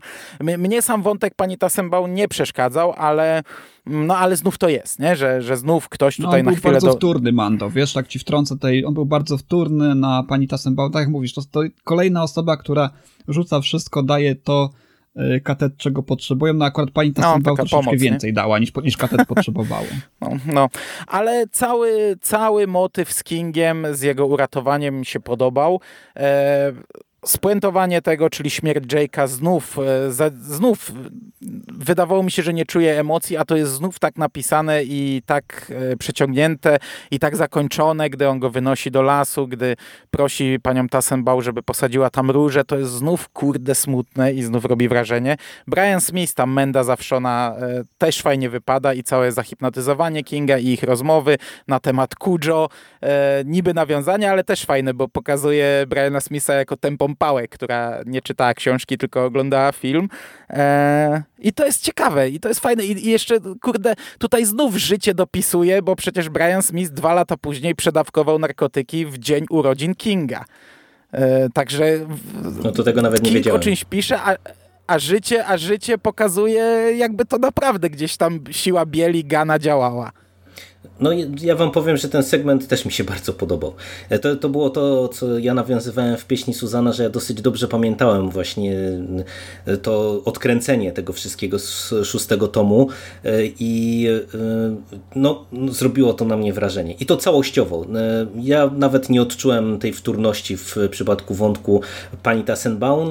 Zgadzam się, że to mm, jest takie sobie, że, że tam wszyscy to łykają jak ciepłe kluchy. Natomiast wydaje mi się, że na przykład sama pani Tassenbaum została tak dobrze wykreowana, e, to też jako taka postać, która no, po prostu ja ją widzę jako taką osobę, która w imię y, tygodnia przygody jest w stanie rzucić wszystko, nawet nie oglądając się na gości, no bo po prostu no, jest znudzoną starszą panią, która, która no, nie spełnia się w życiu i to naprawdę kupowałem, jak, jak to zostało rozpisane.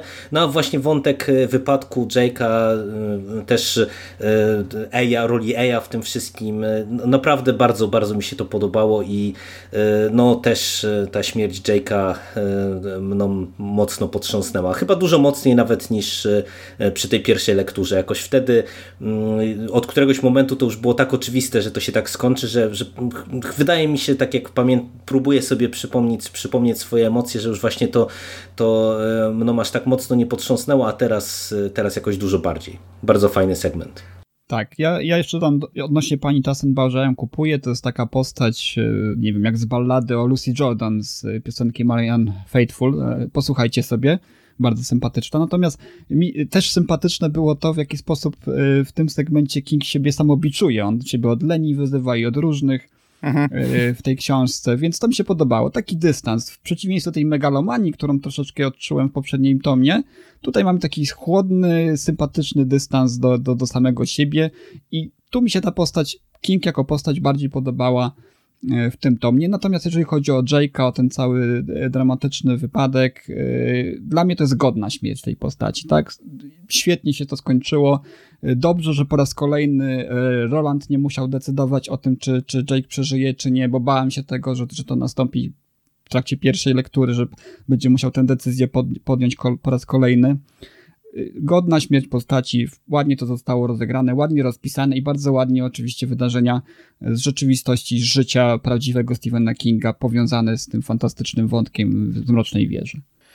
Okej. Okay. I dalej mamy już takie trochę mniejsze segmenty. Ja nie wiem, czy przez każdy mam przelatywać, czy jakoś nie, ogólnie do momentu, nie wiem, pojawienia się Patryka Denvilla, no bo najpierw e, King trafia do TED Corporation, to się chyba TED Corporation nazywa, mhm. nie pamiętam, nie wynotowałem sobie nazw, gdzie mamy tam e, właśnie o tych Kalwinach się dowiaduje, o tym, jak jest e, chroniona róża i tak dalej. Podobał mi się. Tego, to jest jedyna rzecz, której chyba nie pamiętałem. Co prawda samych Kalwinów pamiętałem, bo my przez długi czas tak Miałem się nazywaliśmy. Mhm. Nazywaliśmy się w taki sposób, ale gdy on tam trafił, nagle pojawiają się postaci i kurde, nie wiem kto to jest, nie? No także te, te, no, miałeś podobnie. E, potem trafiamy pod zamek i długa droga z Suzana e, i, i, i, pamiętam, że przy pierwszym czytaniu ta długa droga z Suzana to był, to był jedyny moment, który mnie troszkę wynudził. E, teraz chyba tego nie odczułem, ale może dlatego, że to w audio, wiesz, słuchałem sprzątając halę w robocie, to, to, to zawsze była atrakcja. Trafiamy do zamku karmazynowego króla i w końcu poznajemy Joe Collinsa, czyli Dandelo. E, I to jest takie, nie wiem czy nieoczywiste, no to jest Pennywise, nie? Też to, to chyba jest oczywiste, czy nie? Znaczy to nie, nie zostało nigdy potwierdzone, że to no jest potwierdzone Pennywise. nie, no ale ma swojego Billa Jonkałę, jest jakimś śmieszkiem, tak. chce ich w zasadzie zabić śmiechem, Także to no, jest takie nawiązanie. się do tego które... od, odniósł, że, że to jest postać tej samej kategorii, z tej samej yy, sfery tych, tego multiuniwersum, tak? Czyli z piekła takiego kingowego piekła, on to jakoś inaczej nazywał, już zapomniałem teraz dokładnie, natomiast tak, ja tutaj pozwolę się wtrącić, dla mnie jest to bardzo fajny segment, bo ja tutaj od samego początku usłyszałem dzyń, dzyń, dzyń, dzyń, Penny, Pennywise, jest to mocno kojarzące się, kojarzące się spotkanie, y, którą miała Beverly z tą starszą panią. Doskonale pamiętamy z książki. Ci, którzy mhm. nie, nie, czytali książki, pewnie pamiętają ze świetnego filmu z pierwszej części, y, gdzie to spotkanie następuje. I od samego początku wiedziałem, że to będzie ten Dandello. Zresztą, zresztą tej Dandello też takie strasznie bliskie y, jakiemuś klaunowi, prawda, imię.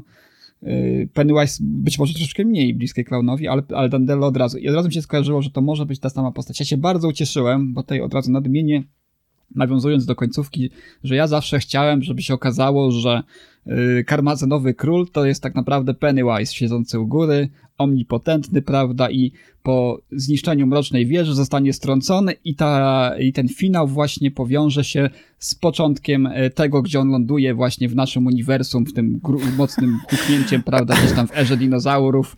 I taki miałem, kurczę, taki fajny miałem pomysł na to i, i King tak to schrzanił, nie? Ja to tak widziałem, ale cieszę się z tego występu gościnnego, Pennywise'a, aczkolwiek mam tutaj pewne zastrzeżenie co do y, tego odbioru y, tej postaci przez bohaterów, tak? Bo wcześniej bohaterowie spotykają postać podobną, która próbuje ich oszukać w podobny sposób, Fimalo, i tam się nie nabierają tak łatwo. Tutaj jakoś, nie wiem, czy to jest moc właśnie tej, tej, tej postaci, tej, tej istoty, kreatury, jaką jest Dandello, czy, czy po prostu mm, tak musiało być, bo, bo, bo tak wymagał imperatyw narracyjny, ale wydaje mi się, że zestawiając te dwie sceny, te dwa spotkania właśnie w tej empatii, tak, bo to jest empatia, jest empatika, to po angielsku lepiej brzmi. Ja w ogóle mam tutaj takie wrażenie, że większość nazw, które wprowadza King e, w swoich, e, swojej mrocznej wieży brzmi lepiej po angielsku. W każdym razie e, dziwnie to wygląda, to, że dali się nabrać właśnie Dandello po spotkaniu, po, po, krótkiej, adekwatnej sytuacji, jaką mieli z Fimalo chociażby, tak?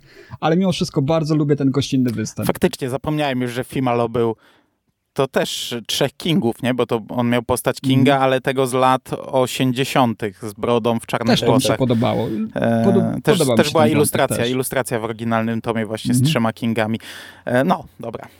Znaczy, ja akurat tu was trochę może zaskoczę, w ogóle nie miałem skojarzenia 100, e, trochę jak to powiedzieliście, to już pewnie tego z głowy nie wyrzucę teraz, e, ale to, to jest e, dobry segment.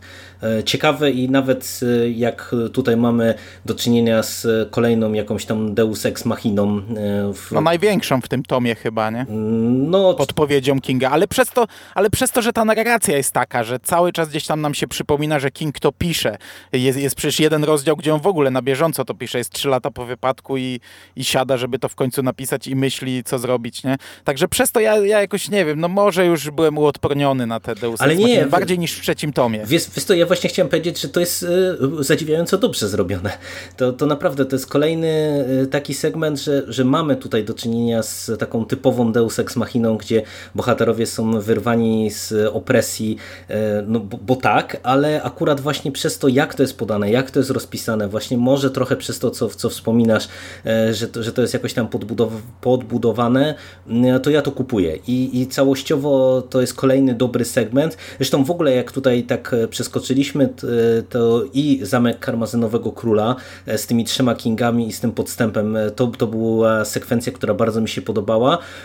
I w zasadzie jak tam wcześniej mamy jeszcze przejście Rolanda i Suzany tam tymi kanałami, to żeby jeszcze taką tylko jedną nie do końca fajną rzecz wyciągnąć, to, to, to była jedna z tych rzeczy, która, którą ja bym troszeczkę skrócił, bo mam wrażenie, że ten segment, tak przepraszam, że ja teraz wprowadzam trochę chaosu, ale to chciałem tylko powiedzieć, że tak jak od tego momentu to już w ogóle nabiera wszystko tempa i, i już bardzo szybko przechodzimy przez te kolejne sekwencje, tak mam wrażenie, że to przejście ich tam do zamku, gdzie oni idą, idą, idą idą, a wcześniej właśnie szli, szli, szli jeszcze przez te tunele, to, to było tro, trochę za długie i w audio takie miałem poczucie, że tu to można było spokojnie, spokojnie skrócić, ale właśnie mówię, tu już od, od momentu, kiedy rozprawiałem się z Dandelo i, i ruszamy na ostatnią prostą, no to, to to jest naprawdę świetnie rozpisane. A mi się znowu to podobało, widzisz, ten, ten wątek wędrówki, bo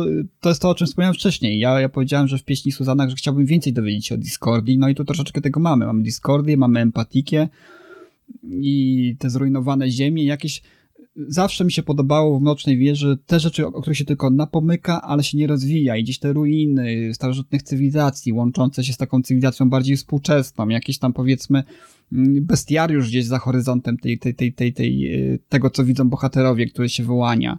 To mi się podobała. Cała ta wędrówka troszeczkę taka jest y, bardzo w klimatach y, no, postapo, nie? No bo, bo to troszeczkę jest takie postapo. I, I mi się to generalnie podobało. I być może podobnie jak Mando, może to jest też kwestia odbioru tego za pośrednictwem e, audiobooka, za pośrednictwem właśnie y, tego czytanego przez kogoś tekstu, niż samemu, samemu brnąc przez to w, w, te, w tekście, czytając książkę papierową. No zazwyczaj w tego typu historiach jest najfajniejsze to, o czym się tylko wspomina, a czego się nie rozwija i, i sztuką jest rozwinąć to potem tak, żeby to się nadal podobało, nie? E, co tutaj za chwilę, jak przejdziemy do finału, to będzie mój największy zgrzyt, ale zanim przejdziemy, jeszcze pojawia się Patrick Denville, o którym pamiętałem, że ma się pojawić, e, ale powiem wam, że tak nie jestem do końca pewien, czy mi się to pod... Chociaż w sumie nie będę się czepiał chyba na siłę, bo on tutaj tak się pojawia no po prostu, nie? Schodzą do piwnicy i on tam jest. Ja, ja, nie mogłem sobie przypomnieć, jak on zostanie wpisany do tej opowieści. Wiedziałem, że będzie, wiedziałem, że odegra kluczową rolę. Może niekoniecznie taką, jak e, to w bezsenności zostało powiedziane, chociaż on uratował życie e, Rolanda, ale też chyba w bezsenności było powiedziane, że za chwilę potem zginął. Mm, a tu chyba nie zginął, dobrze pamiętam bo, bo, bo, nie, bo nie pamiętam w tym momencie. No. Nie, nie, wiemy, co się z nim stało tak naprawdę. Nie?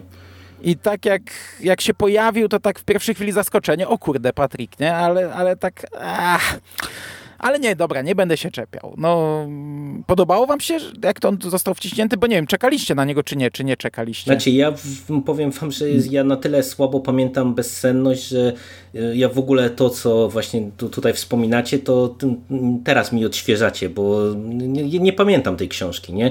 Więc dla mnie to nie to, że ja na to czekałem, czy nie czekałem, bo po prostu e, to trochę w mojej głowie była postać, którą pamiętałem z siódmego tomu. E, I, i to, jak on jest wprowadzony dla mnie to jest w porządku, bo jak, to jak został przedstawiony ten demon i to jak on funkcjonował, e, to mi się po prostu klei z postacią Patryka, nie? Uzasadnia mi dlaczego on tam jest, dlaczego on tam siedział e, i tak dalej, i tak dalej. To, to po prostu jest znowu taki element, który jest dobrze rozpisany przez Kinga i dlatego to kupuję. No bo no bo mogło to by wypaść gorzej, jakby nie był w, tak, w takiej formie, jakiej był, wydaje mi się, pisząc tę książkę.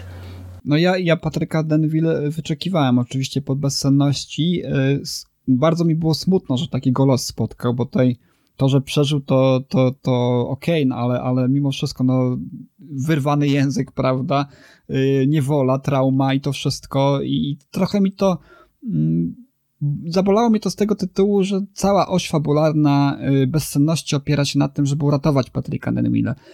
On jest ratowany przez yy, Teda Bertigana z pewnego powodu, no po prostu jest to człowiek obdarzony mm, empatią i, i chce uratować dziecko, które chce ktoś skrzywdzić, prawda? Natomiast y, tutaj zostaje potraktowany troszeczkę strasznie ten, y, po tych wszystkich wydarzeniach, po tych wszystkich y, spektakularnych, nawet można by powiedzieć, wydarzeniach, bo o ile dobrze pamiętam, też dawno bezsenności nie czytałem, ale tam karmazynowy król chciał samolot na niego zrzucić, prawda? E, chyba, o ile, o ile No to nie, nie, nie tyle karmazynowy król, co ten sąsiad e, Ralfa Robertsa. On się chyba Ralph Roberts nazywał, nie Ted Brautigan. Tutaj mm. ci się po, pomieszało. No on, on był jakoś opanowany chyba, nie pamiętam A tak, tak, tak, był, tak. był jakimś sługą króla i podczas jakiegoś eventu, co się chyba Susan Hill, nie, nie, Susan Hill to jest taka, z jakąś pisarką taką chyba feministyczną, czy jakąś działaczką, tak, on chciał coś, z, tak. chyba mm. kamikadze zrobić w nich. W każdym razie, no okropnie została ta postać potraktowana, natomiast no, y, niejako cel, do którego dążono, czyli ocalenia życia Patrykowi Denwillowi dlatego, żeby mógł pomóc Rolandowi w konfrontacji z karmazynowym królem zostało osiągnięte, tak, no, dużym kosztem, dużym kosztem, ale, ale mimo wszystko też y, wydaje mi się, że zostało to zgrabnie, zgrabnie wprowadzone w tę, y, w tę, w tę powieść i, i, i wydaje mi się, że wszystko to e, sankcjonuje. Zresztą e, troszeczkę pominęliśmy Simiego, też mi się podobało właśnie powrót do tej postaci. Mhm, tak, fajna w rzecz. Jakiej, w jakiej formie on wraca, mhm. co on robi też. No też smut, smutne to troszeczkę jest, co się z nim dzieje, ale jednak podobało mi się w jaki sposób to King wplótł i że nawiązał właśnie do, no było nie było mojej ulubionej części e, Mrocznej Wieży. Tak jest, tu się zgadzamy. Okej, okay, wiecie co, zostały nam takie trzy finały w zasadzie. Koniec Eja, koniec Suzany, no i całe wszystko to, co pod Mroczną Wieżą i w Mrocznej Wieży, no i jednocześnie w tym koniec e, Patryka. Czyli po kolei. Koniec Eja, bo to teoretycznie najkrótsze. Zrobiła na was wrażenie ta śmierć? Tak jak dwie poprzednie? Tak. Na mnie tak. Akurat tego y, chyba nie pamiętałem tak dobrze, że to się e, rozegra, ale y, no to w sumie tak myślałem, że o, o Mordredzie trochę więcej coś powiemy, to ja może tak upiekę dwie pieczenie na jednym ogniu. E, podoba, Bardzo dobrze. Po, podobał mi się i finał Mordreda i podobał mi się finał Eja. E, raz patrząc z perspektywy Eja podobało mi się to, że ta postać też dostała swój finał, swoje zakończenie wątku. Szkoda, że, że takie, no ale z drugiej strony no, pewnie inaczej być nie mogło i bardzo doceniam to, że po prostu też y, tak ważna postać dla całego cyklu, y, wiecie, odegrała taką rolę i, i też, że King o niej jakoś tam nie zapomniał, mówiąc kolokwialnie. Natomiast podobało mi się też to, że właśnie Ej no, odpiera, można powiedzieć, w pewien sposób Mordreda, bo z tego co ja pamiętam z reakcji na e, Mroczną Wieżę, na siódemkę jak ona się pojawiła, to finał Mordreda był jedną z takich rzeczy, która była najmocniej krytykowana. To, że on był zapowiadany jako taka postać super potężna, a kończy jak kończy, ale wam powiem, że strasznie mi się to podobało. Bardzo, bardzo doceniam w tej chwili. Wtedy pamiętam jak czytałem, to chyba po prostu to no, przyjąłem i tyle, nie? Ale teraz bardzo mi się podobało, że właśnie nie mamy jakiegoś nie wiem, wielkiego pojedynku, tylko że to jest po prostu tak, że e, te, ten Mordred, który tak się naśmiewał z Randala Flaga i, i, jego e, pychy tak naprawdę kończy źle też trochę właśnie przez to samo, nie? Że, że popełnia błąd nie, nieopierzonego dzieciaka e, i, i, i później musi za niego zapłacić i bardzo, bardzo mi się to podobało. Fajna, fajna rzecz. Dla mnie to miało taki troszeczkę wydźwięk, e, no to pierwszy raz, kiedy czytałem, byłem rozczarowany, tak, no bo tutaj była ta postać nam mocno sygnalizowana, że to będzie ten wielki adwersarz w finale, tak, no bo na tym etapie wiemy już, że, że karmazynowy król zwariował, że, że, że tak naprawdę to może nie, nie okazywać się już, nie, może się nie okazać godnym przeciwnikiem dla Rolanda i ta postać była niejako te, jako ten ostateczny Nemezis, prawda, Rolanda przedstawiana i do tego wydawało mi się, że to wszystko dąży, tak. Mm, I wtedy, kiedy czytałem po raz pierwszy tę książkę, troszeczkę czułem takie rozczarowanie mhm. tą, tą, tą śmiercią Mordreda. Dzisiaj to znajduję jako pewnego rodzaju sprawiedliwość w nawiązaniu właśnie chociażby do śmierci y, konfrontacji Mordreda z Randallem Flagiem, czyli mamy tutaj ten sam błąd popełniony, który popełnił wcześniej Randall Flag, ale też jakąś taką fajną y, sprawiedliwość y, oddającą hołd niejako klasycznej powieści fantazy. Tak? Ja, ja miałem taki tutaj przed oczami, że taki mały oj czy ej przeciwstawia się takiemu ogromnemu stworzeniu, potężnemu stworzeniu i to miałem takie, tak podskórnie gdzieś tam czułem vibe takiego hobbita jakby, tak? Czyli to najpośredniejsze stworzenie może zaważyć o losach, prawda, całego świata, czy, czy, czy o losach jakiejś tam wyprawy, tak? I, i też y, oczywiście Ej miał, miał pra, jak najbardziej prawo się mścić, prawda, bo tam jedne, jedne, jego ziomków y, Mordred gdzieś tam po drodze spożywał, zajadał, więc tej Ej raz, że bronił Rolanda, a dwa, że no też odniósł jakiś, jakiś po prostu sprawiedliwość, wymierzył, prawda, złemu, złemu stworzeniu. Dla mnie w tej chwili jest to fajny motyw, też godne zakończenie e, no, losów takiej pośredniej postaci, można by było powiedzieć, która jednak łapie za serce, łapie, łapie e, wzbudza emocje i no, wydaje mi się, że jest to fajnie rozwiązane teraz już po, po czasie pewnym. No, ja tu nie dodam nic więcej, przyklepuję to, co powiedzieliście. Natomiast e, wracając do Suzany, mm, tak jak powiedziałem, jej odejście jest dla mnie trochę zbyt wymuszone, mm, trochę takie na siłę, ale gdy dostajemy ten, ten jeden z finałów finałów już po odejściu, bo ona wchodzi w drzwi, które narysował Patrick Denville i, i znika z tego świata, nie wiemy gdzie jest, a potem dostajemy taki finał finał, jeden z finałów finałów z nią, gdzie ona trafia do tego świata równoległego i tam poznaje jakiegoś odpowiednika Ediego, jakiegoś odpowiednika Jake'a, którzy na nią czekają i najprawdopodobniej, nie, Eja tam nie ma, no, no jakby Nie, tam mu, mówią, że psa pewnie zaadoptują. Co, coś właśnie jest chyba powiedziane, no, że tak. jakiś pies. I powiem wam, że że to jest kolejna rzecz, na którą ludzie narzekali e, przy Oj, pierwszym tam. czytaniu, bo pamiętam, kumpel, kumpel mi pisał, że dopiero w siódmym tomie znienawidzisz Suzana, jak ja gdzieś tam po, po szóstym czy po którymś mówiłem, że za nią nie przepadam. Bo to jest postać, za którą ja, ja nie przepadałem za bardzo przez cały ten tom. Może dlatego, że ona ciągle się zmienia. Że to nie jest postać, która przechodzi taką przemianę jak Eddie, czy taką przemianę jak Jake, tylko gdy ona przechodzi przemianę, to, to gdzieś tam znów wraca Detta, gdzieś tam zaraz wraca Mia i to jest taka postać, która ciągle jest inna i, i ma coś za, za uszami trochę i tajemnice przed tym przed katet. Ja, ja jej pamiętam, że nigdy nie lubiłem, a w siódmym tomie ją o dziwo jakoś polubiłem. nie wiem, może dlatego, że po tym porodzie ona już przestaje e, się miotać na lewo i prawo. I pamiętam, gdy przeczytałem ten finał, no to, to nie, to mówię nie, absolutnie nie. Nawet się spytałem tego kumpla, w którym momencie ja ją miałem znienawidzić. I on mi powiedział, no, że wybrała wydmuszki, że wybrała, zamiast iść do wieży, wybrała nędzne imitacje Ediego i, i Jake'a, nie?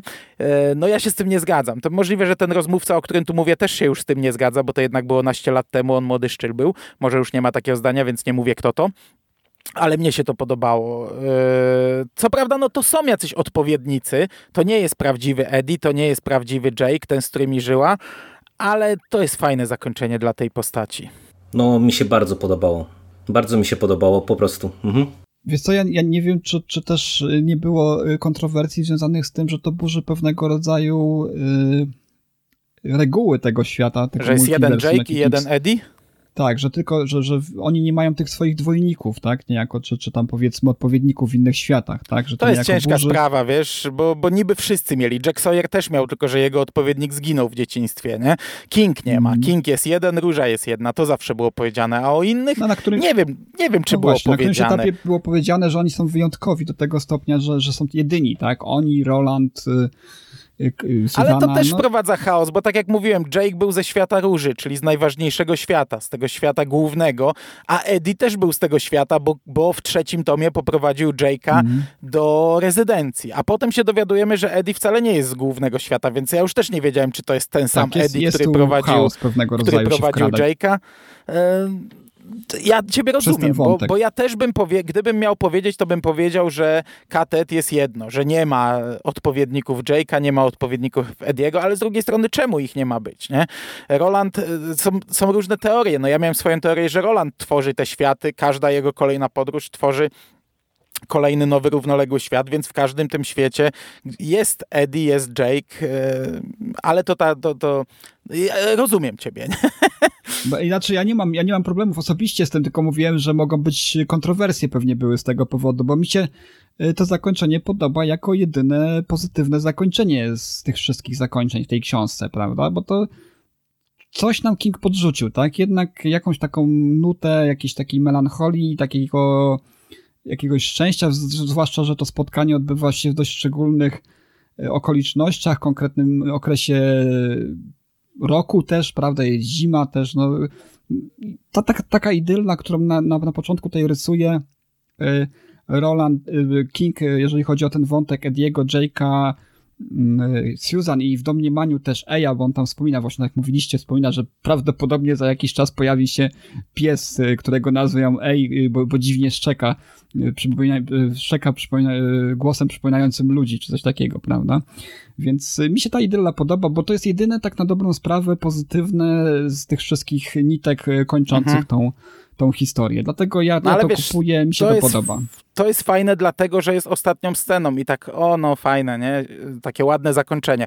Ale z drugiej strony patrząc na to e, tak z daleka, z szerszym kontekstem, no to, no to ja ciebie rozumiem, nie? Że w takim razie, skoro jest nieskończona liczba Edich, to, to sprawia, że ten nasz Eddie jest nieważny, może zginąć. Pójdziemy sobie po innego na, na Ziemię 2, Ziemię 3, Ziemię 616, nie? Taka trochę... No ale nie trochę... wiemy też, wiesz Mando, nie wiemy też jaką mocą dysponował tak na dobrą sprawę do końca Patrick Donnelly, tak? Nie wiemy, dokąd ten zaczarowany ołówek e, zaprowadził właśnie no. Suzanach po namalowaniu tych drzwi, tak? Nie wiemy, no też czy on racja, faktycznie też. otworzył jakiejś zupełnie nowej linii możliwości, tak? Dzięki swojej mocy, Kon konkretnie nieopisanej tak na dobrą sprawę. Wiemy, że może rysować i wymazywać rzeczy z istnienia konkretnych rzeczywistości, natomiast nie wiemy, jak, na jakiej podstawie opiera się to tworzenie tego. Te, tego no to co, co, też co, masz rację, to może być stworzony świat.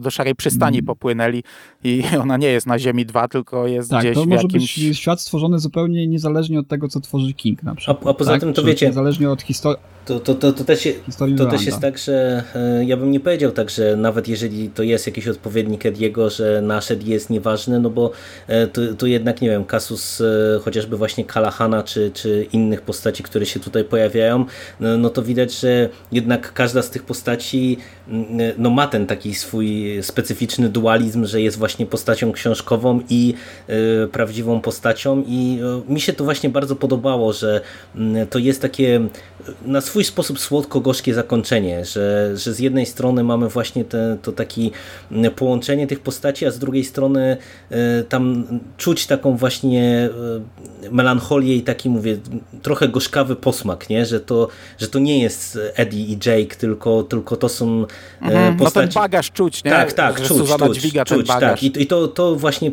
to jak to zostało opisane i to, że to czuć, to jest moim zdaniem właśnie to, dlaczego to zakończenie jest tak fajne, nie? Że, że to, to nie jest właśnie takie super e, hura optymistyczne i, i takie wiecie happy end z komedii romantycznej, że, że nagle wszystko jest szczęśliwe, tylko że i te postaci tak trochę nie wiedzą w zasadzie dlaczego ta e, kobieta bez nóg, która nagle im się pojawiła e, tutaj ma być dla nich ważna i Suzana też jakby ma takie poczucie, że no to, to, to nie jest jej mąż, nie? To, to nie jest jej przybrany jakoś tam syn, e, a, ale e, nowa droga przed nimi. A, propos tego, e, bo powiedziałem, że jeszcze do tego nawiążę, do tego, że to jest wymuszone, to tak jak ja rozumiem to, co Mando mówisz, to mi osobiście się podobało to, że to, to jest jakby decyzja Suzany.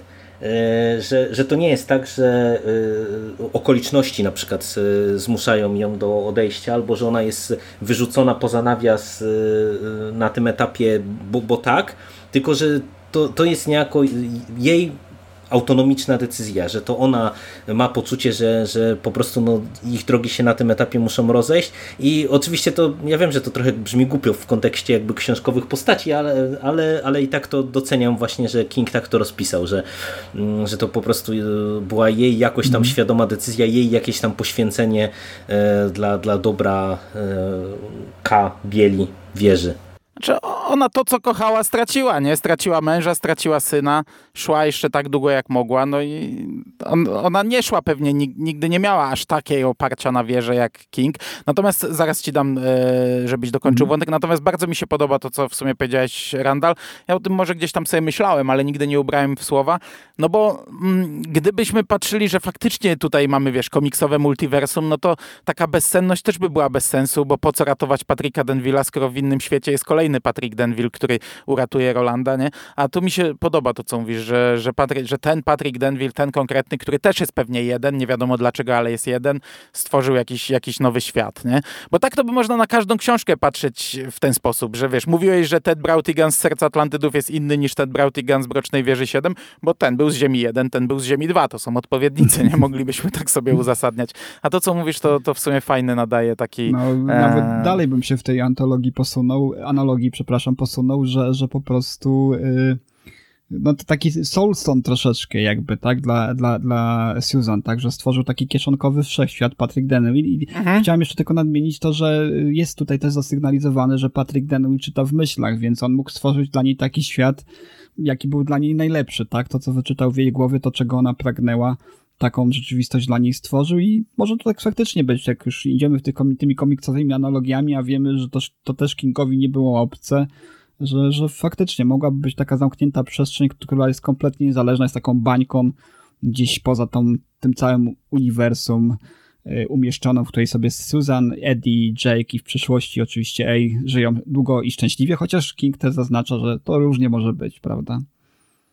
Mhm. Dobra. Finał finałów który można podzielić na dwa finały.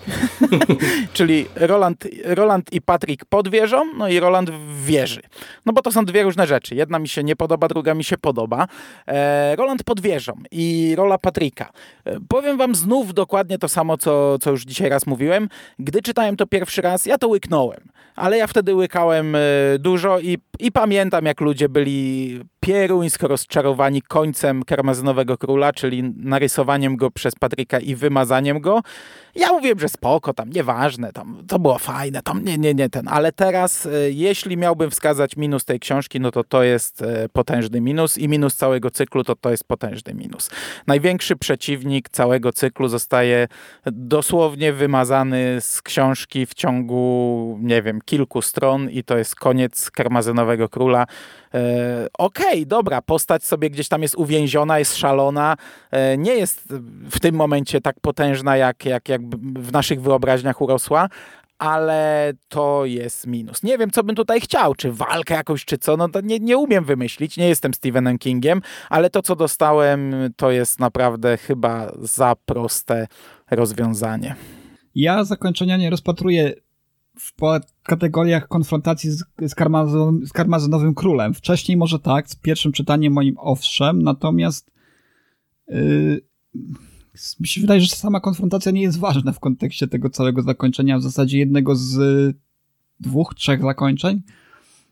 Dzisiaj patrzę na troszeczkę inaczej, na dobrą sprawę. Nie podoba mi się ten wątek, został on moim zdaniem źle rozwiązany. Yy, zabawnie to brzmi, kiedy się o tym mówi. Yy, kiedy się to czyta, równie zabawnie to brzmi ale mimo wszystko gdzieś to zakończenie tym razem przy tej lekturze, przy, przy ponownej lekturze przykryte zostało przez, przez te dwa y, otwarte zakończenia, bo tak na dobrą sprawę oba są otwarte. I teraz pytanie, które y, każdy z nas kupuje lepiej? Czy, czy to pierwsze otwarte zakończenie, czy to drugie, przed którym King ostrzega, żeby czytać na własną odpowiedzialność? Ale i tak każdy z nas przeczytał, no bo jak żeby nie, prawda, za pierwszym razem. Także ja Karmę Znamionego Króla już y, pewnie troszeczkę na etapie spotkania z Fimalo poczułem, że coś tu, coś tu nie będzie tak do końca. I później, no to wymazanie z Patryka Denvilla, no nadal się z tego śmieje troszeczkę, no ale to też pokazuje, jaką postacią potężną był Patrick Denville, tak? Dlaczego, dlaczego Karmazynowy Król tak bardzo się go bał, tak? Mm, zresztą gdzieś tam go e, wymienia wśród swoich znienawidzonych postaci którymś momencie obok Rolanda, czyli, czyli gdzieś tam go traktował jako po, podobne Rolandowi zagrożenie, tak? Więc no, mimo wszystko jest to, jest to troszeczkę kuriozalne, ale natomiast e, ja gdzieś e, uważam, że w obliczu tych dwóch zakończeń, które otrzymujemy później, e, ono gdzieś przy drugiej przynajmniej lekturze znika, ono przy, przy drugiej lekturze już zaczyna tracić taką swoją yy, moc, która wprowadza czytelnika w pewien taki dyskomfort, że, że to nie powinno się tak było skończyć. Mi się wydaje, że to jest takie zakończenie, którego ja może nawet nie tyle się spodziewałem czegoś takiego, ale które no, nie wiem, czy powinno budzić aż tyle kontrowersji, ile budzi cały czas, wydaje mi się, bo e, to, to co Randall mówi, raz, że ono nie ma większego znaczenia z perspektywy tego finału finału, a dwa, że z, ja teraz przy okazji e, lektury po latach e, zobaczyłem w tym siódmym tomie, jak bardzo sam karmazynowy król jest postacią bez znaczenia. E, w tym sensie, że e, owszem, to jest postać, która od początku cyklu jest kreowana na tego głównego antagonistę, e, ale tak naprawdę no to, to samo mówiliśmy o, o flagu chociażby. A mm, tutaj w tym tomie karmazynowy król jest deprecjonowany w zasadzie od, pierwszej, od pierwszych stron gdzie my cały czas mówimy, nie wiem, o narodzinach Mordreda i mówimy, no to jest postać, która może uratować e, jeszcze tych złych, mówiąc kolokwialnie, bo karmazynowy król oszalał i, i, i nikt nie wie, gdzie jest i, i, i tyle. Później dowiadujemy się, że właśnie oszalał i najprawdopodobniej jest uwięziony gdzieś tam na balkonie wieży i, i po prostu ja już e, w momencie, kiedy zobaczyłem karmazynowego króla na właśnie uwięzionego szaleńca na, na balkonie wieży, to ja nie wiem, jakby to można było lepiej spuentować. Nie? Tu wydaje mi się, że tego nie można by było naprawić brakiem tej, tej konkretnej sceny, czyli brakiem wymazania go z, e, przez Patryka, tylko to by musiał być wątek, który by musiał być poprowadzony zupełnie inaczej, e, przynajmniej od początku siódmego mm -hmm, tomu, mm -hmm. jak nie wcześniej. I, w tym, I z tego punktu widzenia to po prostu ja to kupuję, bo nie wiem, jakby to można było zrobić inaczej, bo to, to byśmy wchodzili na już zbyt duży poziom gdybania, bo to mówię, to wydaje mi się, że to ta postać by musiała mieć inną podbudowę, inną trochę rolę już przynajmniej tam tam w pieśni Suzana, żebyśmy tutaj mogli oczekiwać jakiegoś e, większego mm, e, no, no, większego pojedynku pomiędzy Rolandem a nim. A tak naprawdę no, on tutaj, mówię, już od samego początku był dla mnie taką postacią, która no, nie ma znaczenia dla, dla wielkiego finału. Okej. Okay. Natomiast gdy Roland podchodzi do Mrocznej Wieży, gdy wykrzykuje wszystkie nazwiska, które e, miały jakieś znaczenie i które miał wykrzyczeć, gdy wchodzi do tej Mrocznej Wieży, to jest świetna rzecz. I ja, ja lubię ostatni rozdział w wieży, gdy on przechodzi tą wieżą i kolejnymi poziomami i widzi całe swoje życie co prawda rozumiem, że to się może nie podobać, bo umówmy się, King zaserwował nam chyba najdłuższy w historii Dzień Świstaka, nie? E, rozpisany na, na jakieś 3000, 3500 tysiąca stron, ale podoba mi się jak on idzie i jak dochodzi do tych ostatnich drzwi i jak ma świadomość tego, co zrobił i, i, i, gdzieś tam do niego dociera, jak, jak długo już to robi i zaczyna od początku. E, to jest dla mnie fajne.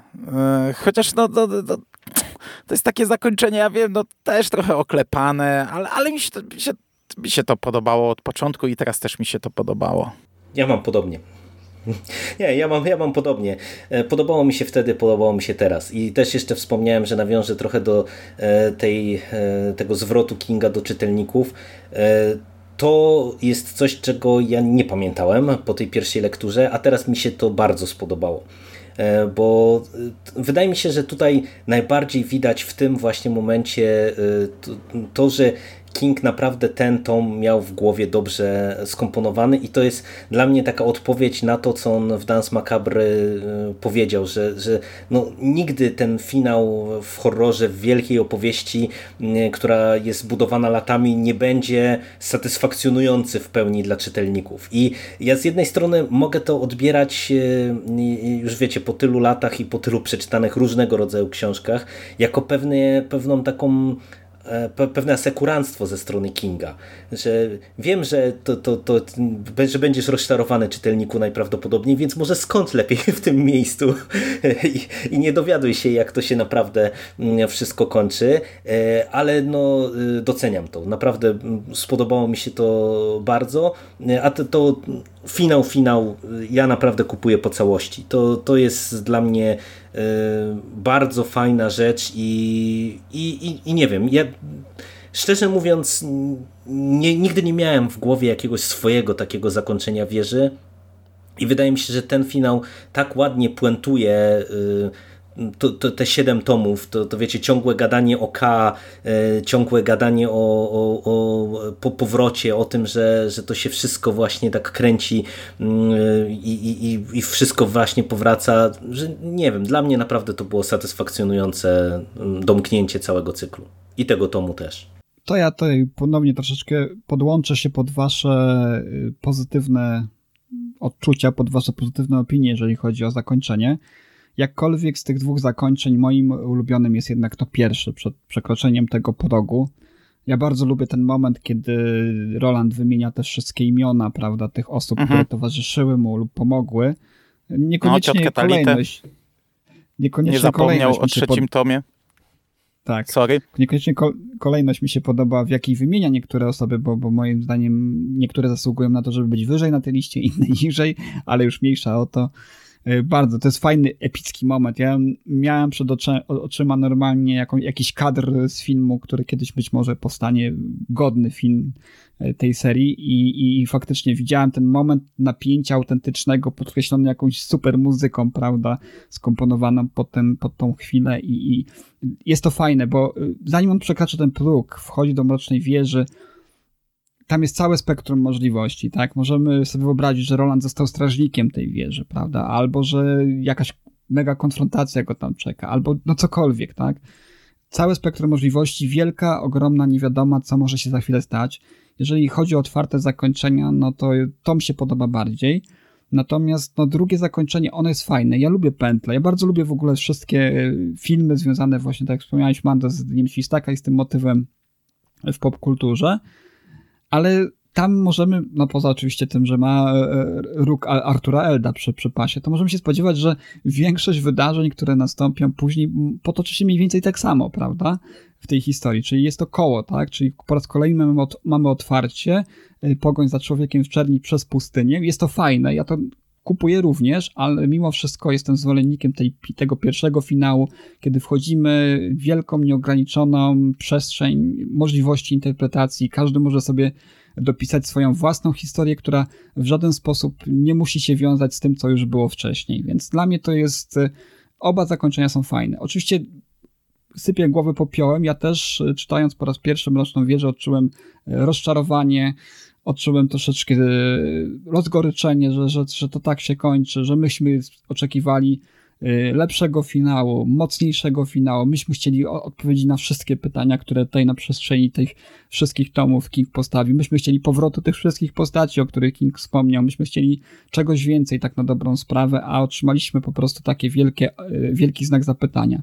Dzisiaj, wiadomo, no, z wiekiem człowiek staje się rozumny widzę to w zupełnie innych barwach i, i, wydaje mi się, że, że ten tom i ostatnie akapity e, tej książki naprawdę bardzo fajnie zwieńczają tą przygodę z Mroczną Wieżą, która miała swoje, jak, jak wspominaliśmy w przypadku ostatniego tomu, swoje, swoje mniejsze, gorsze, gorsze momenty, ale mimo wszystko tutaj finał jakoś ładnie to wszystko komplementuje i ja jestem na tak. Ja miałem niestety ten problem, tak jak wspomniałem, że byłem na zjeździe, na którym e, w, zasadzie prawie wszystkie śmierci mi ktoś powiedział i to bywało tak, że ktoś mi powiedział, kto umrze, ja się wkurzyłem, poszedłem do innego pokoju, powiedział, kurde, powiedzieli mi, kto umrze. Tak, też słyszałeś, że ej? Nie, słyszałem, że Eddie.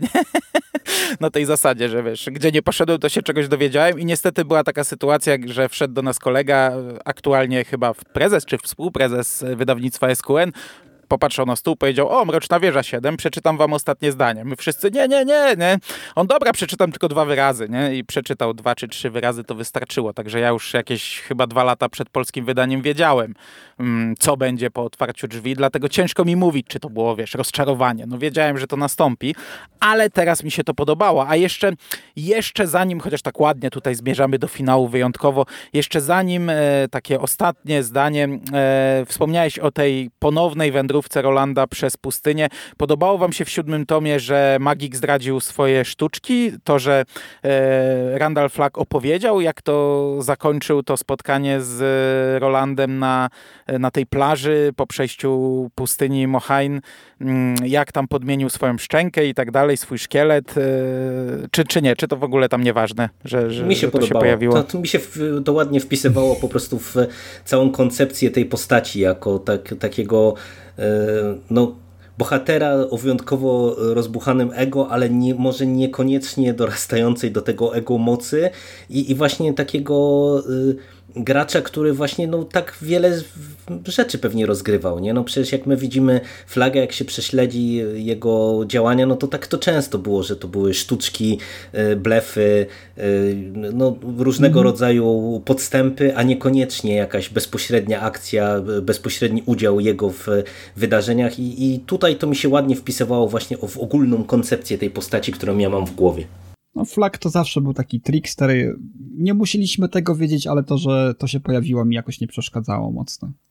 Okej, okay, na koniec dostajemy poemat Roberta Browninga, Sir Roland pod Mroczną Wieżą Stanął. Powiem wam, że któryś raz już to czytam, ale ja jestem, ja jestem e, ignorantem, jeśli chodzi o poezję. E, któryś, pierwszy raz tego słucham, a któryś raz to czytam, bo kiedyś jeszcze przed Mroczną Wieżą nawet kupiłem sobie e, tomik Roberta Browninga wydany w Polsce i któryś raz totalnie gdzieś tam w połowie odpływam i no ja nie jestem odbiorcą tego, ale doceniam, że, że, że umieścił to, nie wiem na jakiej zasadzie to jest sprawami, no pewnie to jest już w domenie publicznej, więc pewnie można sobie tak wrzucać. E, także jakiś tam ciekawy pomysł, fajnie, że to się tutaj znalazło. Polski czytelnik mógł sobie to przeczytać e, bez problemu, nie musiał, nie musiał gdzieś tam sięgać właśnie po, po jakiś tomik poezji sprzed nie wiem ilu lat wydany w Polsce. E, Coś chcecie o poemacie? Czy nie, nie. Ja się dokładnie podpisuję pod tym, co powiedziałeś. Też jestem ignorantem, jeżeli chodzi o poezję. Nic się nie zmieniło po kolejnej lekturze tego poematu. Bardzo ładnie przeczytane. Zupełnie inny odbiór, jeżeli się to słucha w formacie, w formacie audiobooka. Y, ładnie ten lektor to przeczytał. Zresztą y, tutaj warto podkreślić też, że, że bardzo fajnie to wszystko jest przeczytane. Ja nie wiem, czy ten sam lektor czytał wszystkie, wszystkie tomy. Ja, czyta, ja, ja słuchałem w ten tak, sposób tak, trzech ostatnich. Mateusz Drozda moim zdaniem świetnie to przeczytał. Ja tutaj jestem pełen podziwu y, i wydaje mi się, że mm, już tak od technicznej strony uważam, że, że bardzo dobrze przygotowany audiobook. Okej. Okay kończąc nasze tutaj, nasz występ, pięć lat nam to zajęło. Tak jak powiedziałem, wrócimy pewnie jeszcze do Mrocznej Wieży, bo myślę, że przesłuchamy sobie, czy przeczytamy Wiatr przez dziurkę od klucza. Co prawda ja robiłem podcast solo o tym, więc ja nie, nie ma konieczności, żebym ja w nim wystąpił, ale z przyjemnością sobie z wami pogadam po, po latach, jak odbieram tę książkę. E, chociaż to pewnie nie ma jakiegoś priorytetu. Pewnie, pewnie teraz jeszcze trochę poczekacie na kolejny tom. E, natomiast chyba wyszedł nam jeden z najbardziej pozytywnych podcastów. Ostatnio ktoś w komentarzach się nabijał, że e, przez lata słyszał, jaki to cudowny cykl, a słucha naszych podcastów i, i w każdym krytykujemy, w każdym narzekamy. Chyba wyszedł pierwszy podcast taki naprawdę bardzo pozytywny. No może poza tymi pierwszymi zupełnie ich aż tak nie pamiętam. E, niespodziewanie, bo rozmawialiśmy ile? No z dwa miesiące temu o Mrocznej Wieży 6 i byliśmy pełni obaw i ja byłem przekonany, że ten siódmy tom e, to będzie e, naprawdę, nie zostawimy suchej nitki na nim, także jestem, jestem w sumie zadowolony, że wszyscy trzej po konfrontacji po latach e, jesteśmy zadowoleni.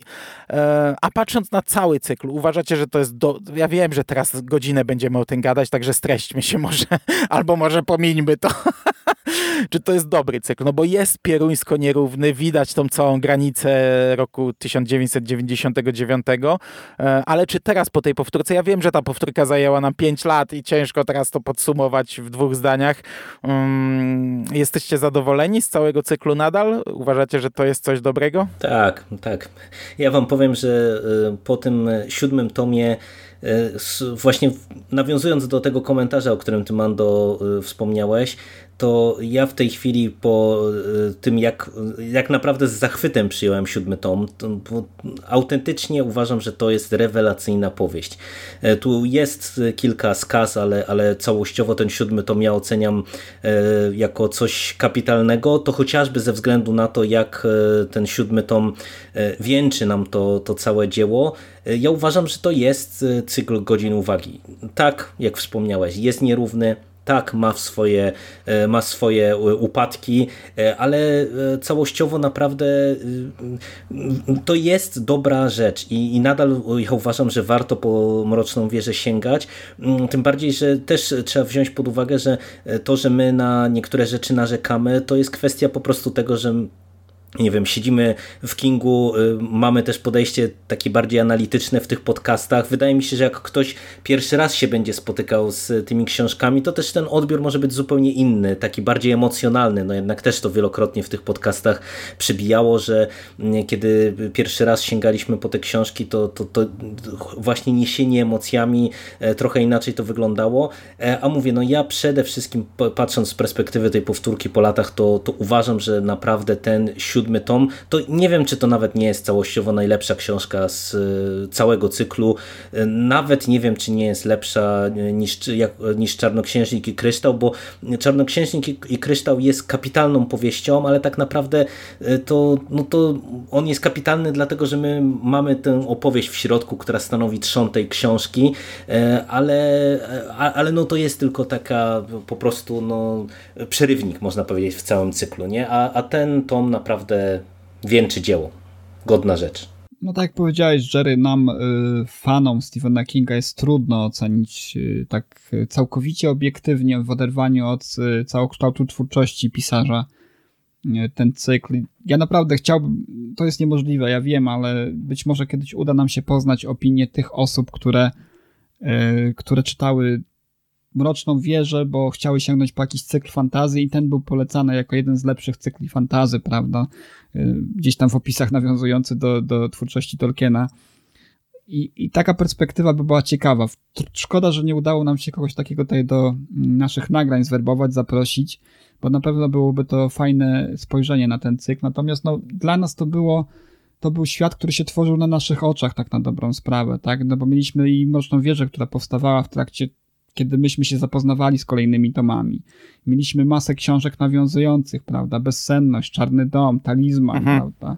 Serce Atlantydów i jeszcze inne książki, które w jakiś sposób się wiązały z Mroczną Wieżą. To wszystko nam się budowało na jedno takie uniwersum, które złączone właśnie w, tym, w tej serii, w, tym, w tej, tej sadze, yy, jawiło nam się jako konkretny twór powstający, tak, tak jak wspomniałem, no, na naszych oczach tak na dobrą sprawę. I nam jest trudno tutaj oddzielić tę taką chłodną, analityczną stronę tego naszego czytania tego tomu, ty, ty, tych książek, od, od całości doświadczenia, jakie może mieć ktoś, kto zupełnie nie miał z tym wcześniej styczności. Także generalnie ja nadal będę polecał Mroczną Wieżę wszystkim fanom literatury fantazy, bo to na pewno jest coś wyjątkowego, jeżeli chodzi o, o literaturę tego typu. Natomiast no, jest strasz, straszna sinusoida, jeżeli chodzi o, o, te, o te książki. I, I, trudno mi to jednoznacznie ocenić, to, to, to, to, doświadczenie, które ja osobiście czerpałem wtedy i jakie czerpię teraz jako mega pozytywne albo negatywne. Po prostu jest to coś, co doceniam, jest to, jest to naprawdę fajne doświadczenie.